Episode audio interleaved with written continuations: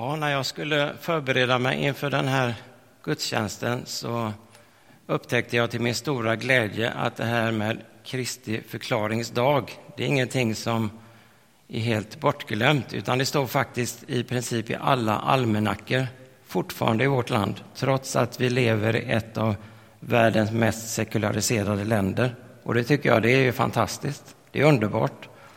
Och tydligen är det så att i många länder internationellt så firas Kristi förklaringsdag som en stor fest. Ungefär som vi firar jul och påsk och så vidare, pingst. Så i början av augusti så firar man då Kristi förklaringsdag. Men vi har lite, kanske, jag vet inte om vi har glömt bort det, men det har kanske inte uppmärksammats så mycket som det borde. Men det är fantastiskt att det finns i almanackorna. Och det är någonting att knyta an till när man pratar med arbetskamrater och vänner, släktingar som kanske inte läser Bibeln, kanske inte går i kyrkan. Ja, men det finns faktiskt där i vår almanacka. Det är underbart. Och eh, det är också underbart att eh, vi idag får fira gudstjänst och vi får ta del av denna fantastiska händelse. Den finns ju beskriven i både Matteus, Markus och Lukas evangelium. Och jag tänkte att läsa texten ur Lukas evangeliet. Men jag tänker läsa stycket innan denna händelsen för att ni ska förstå sammanhanget. Och där står det så här. Jesus säger där då. Om någon vill följa mig ska han förneka sig själv och varje dag ta sitt kors och följa mig. Den som vill rädda sitt liv ska mista det, men den som mister sitt liv för min skull, han ska rädda det. För vad hjälper det en människa om hon vinner hela världen men mister sig själv eller går förlorad?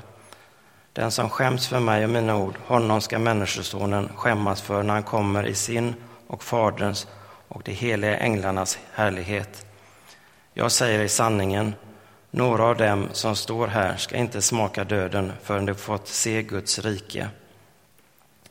Och nu kommer vi till Eh, dagens predikotext. Där står det så här.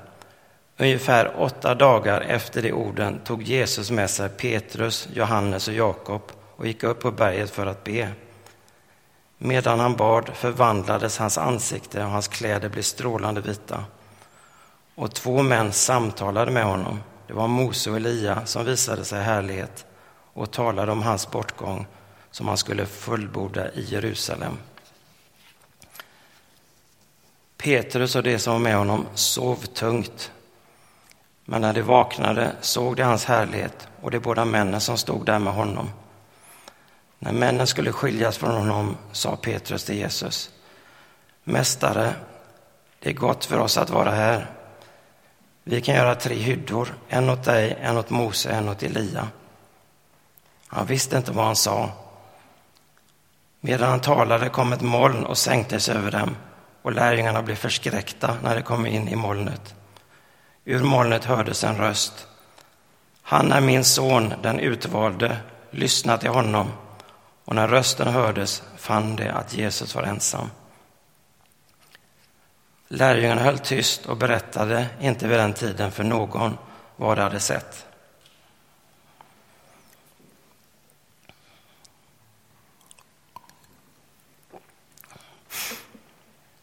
Hela börjar med att Jesus tar med sig tre lärjungar. Man kan säga att de representerar alla oss kristna som har kommit till tro sedan Jesu tid. Han tar med sig tre lärjungar upp på berget och de går upp för att be. Och Jesus väljer att gå upp på ett berg. Och då kan man undra, varför då? Varför väljer han ett berg? Varför gick han inte till synagogan? Och man kan ju också undra, vilket berg var det? Har du varit uppe på ett berg någon gång? Ja, det kanske alla har varit nu eller tidigare i livet. Och då kanske vi anar varför Jesus valde att gå upp på ett berg.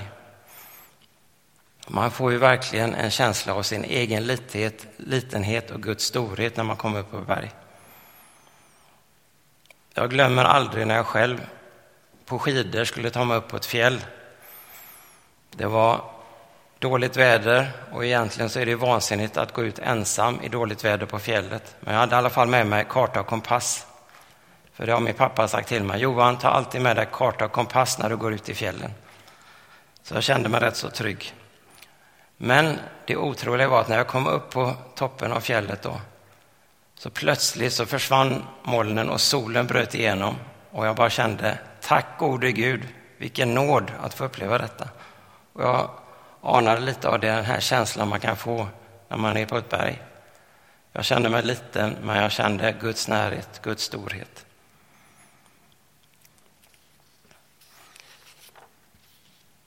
Och vi vet alla att i den bibliska historien så har det ofta varit berg inblandade. Mose fick ju budorden på ett berg i Sinaiöknen. Elia, han var på berget Karmel när han med Guds hjälp segrade över Balsprofeterna. Abraham blev ombedd av Gud att offra sin son Isak på ett berg. Men Gud skickade ett annat offer, så Isak blev aldrig offrad. Men på samma berg, långt senare, så vet vi att Gud offrade sin egen son. I Jonas Dagssons bok Steg för steg genom Nya testamentet så tar han upp tre olika möjligheter för vilket berg det kunde vara.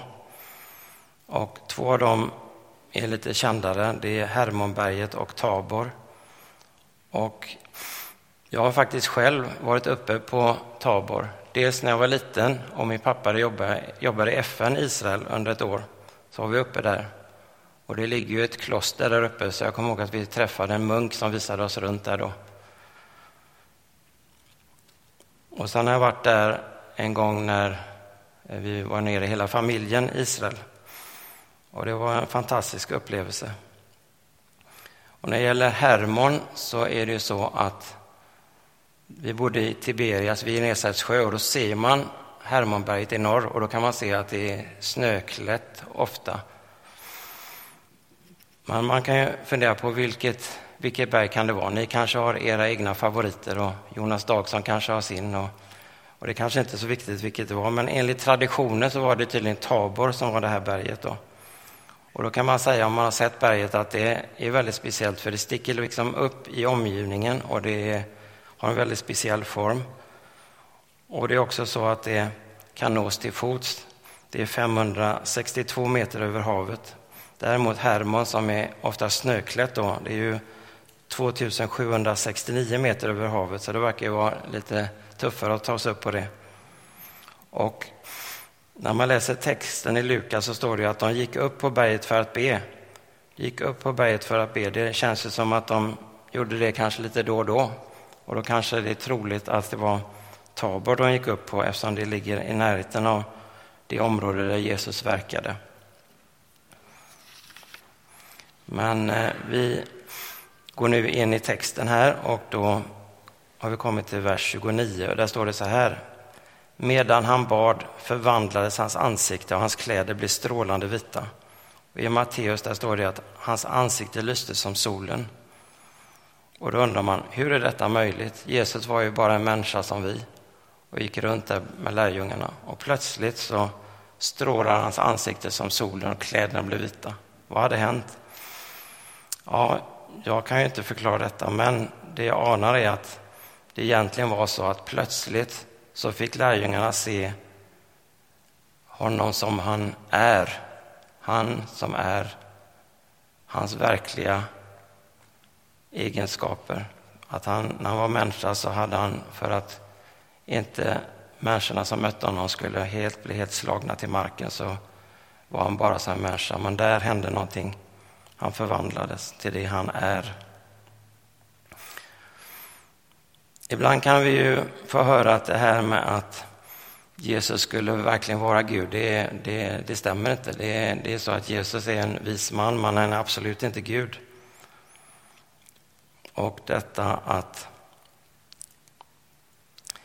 Jesus då skulle visa sig på det här sättet, det kan ju vara ett sätt för Jesus att verkligen visar för lärjungarna och också för oss i sin tur att nej, men jag är verkligen Gud. Och eh, det var ju faktiskt så att Jesus, han gick inte upp ensam på berget, utan han tog med sig lärjungarna. Han ville de skulle vara med och se detta. Och han ville att det skulle finnas tillgängligt för oss att få vetskap om. Han ville att vi skulle få visshet, kunna lita på Guds löften. Gud vill möta vår längtan och i Uppenbarelseboken står det om detta. Se, jag står vid dörren och knackar. och någon hör min röst och öppnar dörren ska jag gå in till honom och hålla måltid med honom och han med mig.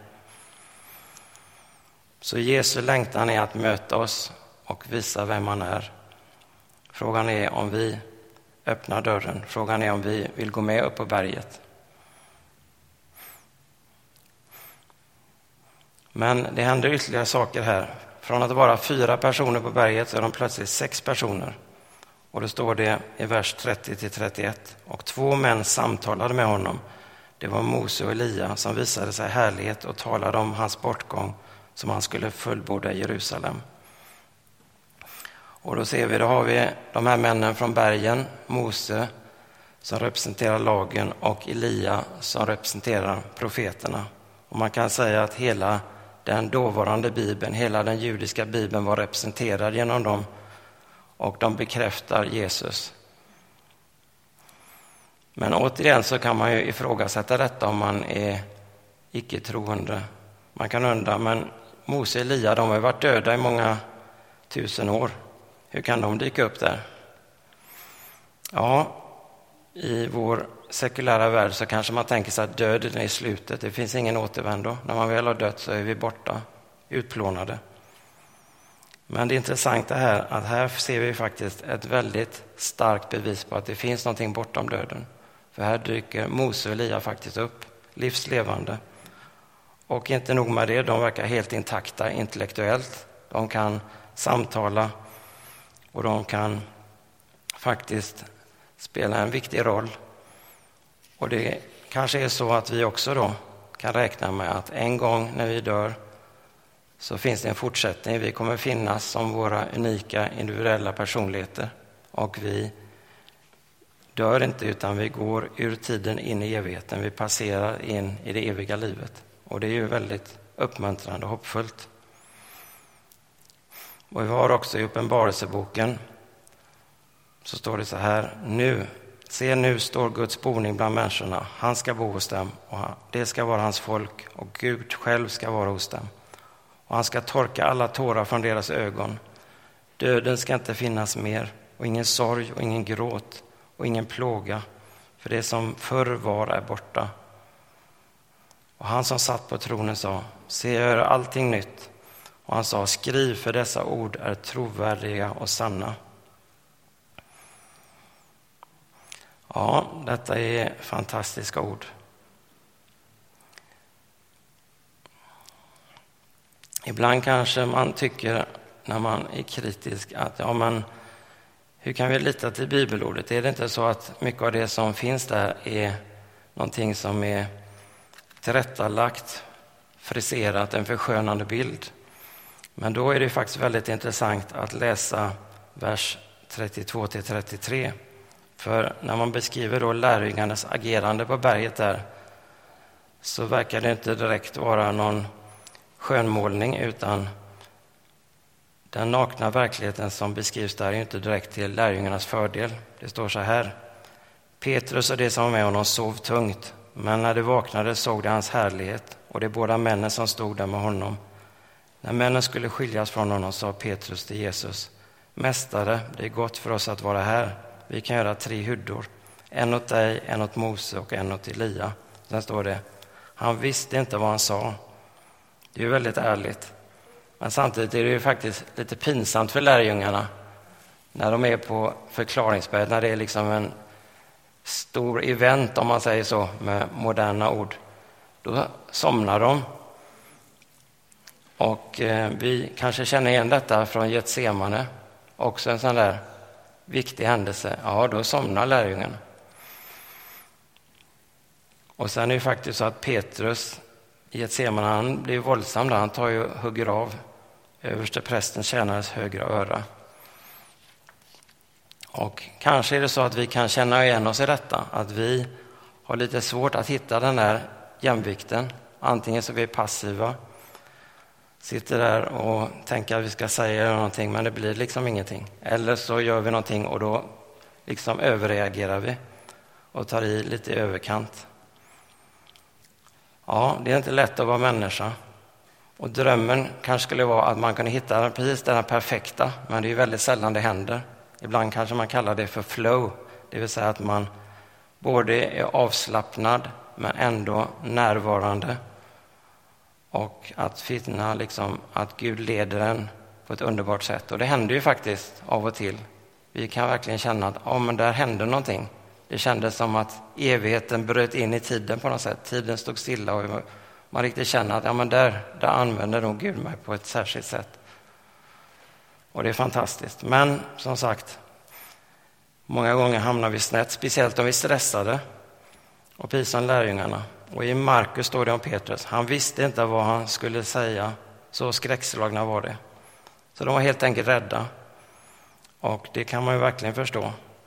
Jag hade säkert blivit livrädd i den här situationen. Men det är väldigt intressant att säga att Jesus anklagar inte lärjungarna och han anklagar inte oss heller. För han vet att vi är ofullkomliga. Han är fullkomlig, men vi är ofullkomliga. Han ser till oss i nåd och det är, det är underbart. Och så kommer vi till vers 34 till 36. Man kan säga att det är ju stegrats här och då står det så här. Medan han talade kom ett moln och sänktes över dem och lärjungarna blev förskräckta när de kom in i molnet. Ur molnet hördes en röst. Detta är min son, den utvalde. Lyssna till honom. Och när rösten hördes fann de att Jesus var ensam. Detta är ju helt enastående, att Gud Fader talar personligen. Och det ger ju verkligen en tydlig bild av att Jesus var sänd av Gud. Men inte heller vår himmelske fader anklagar varken lärjungarna eller oss. Och i Matteus så kan man verkligen känna Guds faders kärlek. Han är min älskade son, i honom har jag min glädje. Lyssna till honom. Vilka fantastiska ord. Och i Matteus kan vi även läsa hur Jesus lugnar de skräckslagna lärjungarna och även oss då. Men Jesus gick fram och rörde vid dem. Han tog på dem och sa res er upp, var inte rädda. Och när de lyfte blicken såg de ingen annan än Jesus. I Bibeln talas det ofta om att vi inte ska vara rädda. Och vad beror det på? Jo, det beror på att vi ofta är rädda. Och rädslan kan förlama oss. Den kan göra oss alldeles snurriga så att vi gör något galet i panik. Och när vår dotter Johanna sa att hon skulle åka till Mali, då blev jag livs, livrädd. För jag tänkte Mali måste vara det mest osäkra landet i världen.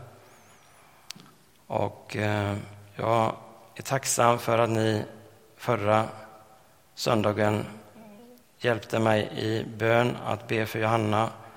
Och det har gått väl den första veckan och jag är väldigt tacksam för era förböner. Och jag har verkligen känt att det har gjort skillnad. Det har burit henne, det har burit mig.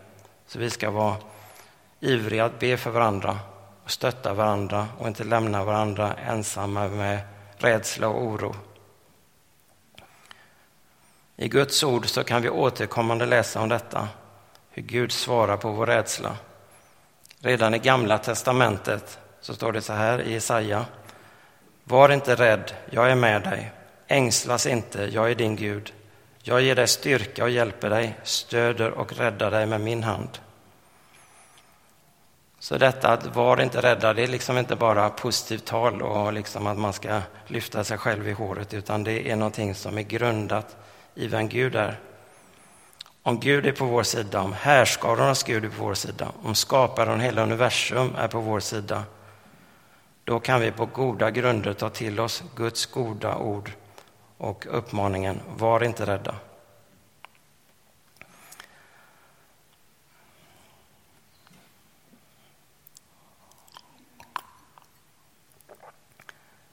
Nu kommer någonting lite överraskande och man kan ju säga så här att hade vi själva varit med där på berget så hade vi bara kommit ner och sagt nu måste jag berätta.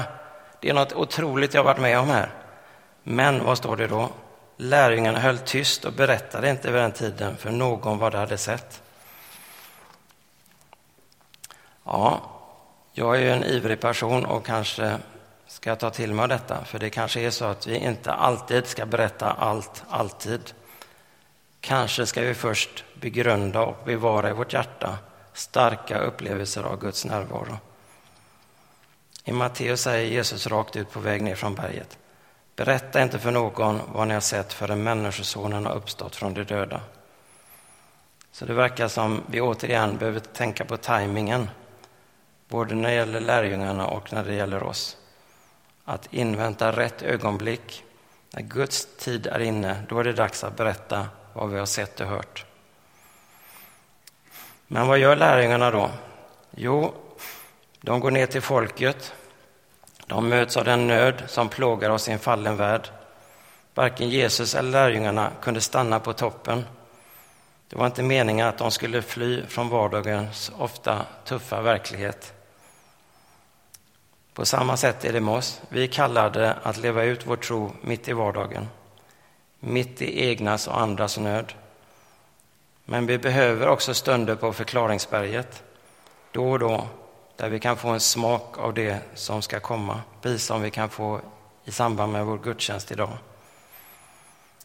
Vi behöver uppmuntran och vi behöver påminnas om Guds löften som inte är några sagor utan förankring i verkligheten utan som har sin grund i vem Gud är och vad Gud har gjort. Gud har givit löften och han har hållit sina löften genom hela historien. Han har kommit in i världen, i verkligheten, delat våra förutsättningar. Och precis som Britt läste här så står det i Petrus andra brev. Det var inga utstuderade myter vi följde när vi förkunnade vår Herre Jesu Kristi makt och hans ankomst för er, utan vi var ögonvittnen till hans majestät. Han fick ära och härlighet från Gud, Fadern, när rösten kom till honom från den majestätiska härligheten. Han är min son, min älskade. I honom har jag min glädje. Den rösten hörde vi själva från himlen när vi var med honom på det heliga berget.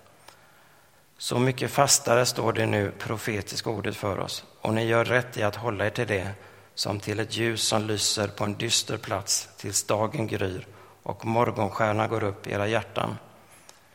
Framför allt ska ni veta att ingen profetia i skriften har kommit till genom egen tolkning. Ingen profetia har burits fram genom någon människas vilja, utan ledda av den heliga Ande har människorna talat vad de har fått från Gud. Låt oss be. Förklaringens Kristus, du är närvarande i materiens mitt, strålande centrum av ljus, i vilken mångfaldens otaliga linjer löper samman. Makt järnhård som världens lag och ändå mjuk som livet. Du vars panna är av snö och vars ögon är av eld. Du vars fötter skimrar ljusare än smältande guld. Du vars händer omspänner stjärnorna. Du är början och slutet, den levande, den döde, den uppståndne. Du som är ofantlig rikedom omfattar varje smak, varje kraft, varje tillstånd. Hela mitt väsende ropar efter dig med en längtan stor som universum. Du är sannerligen min Gud och min Herre. Amen.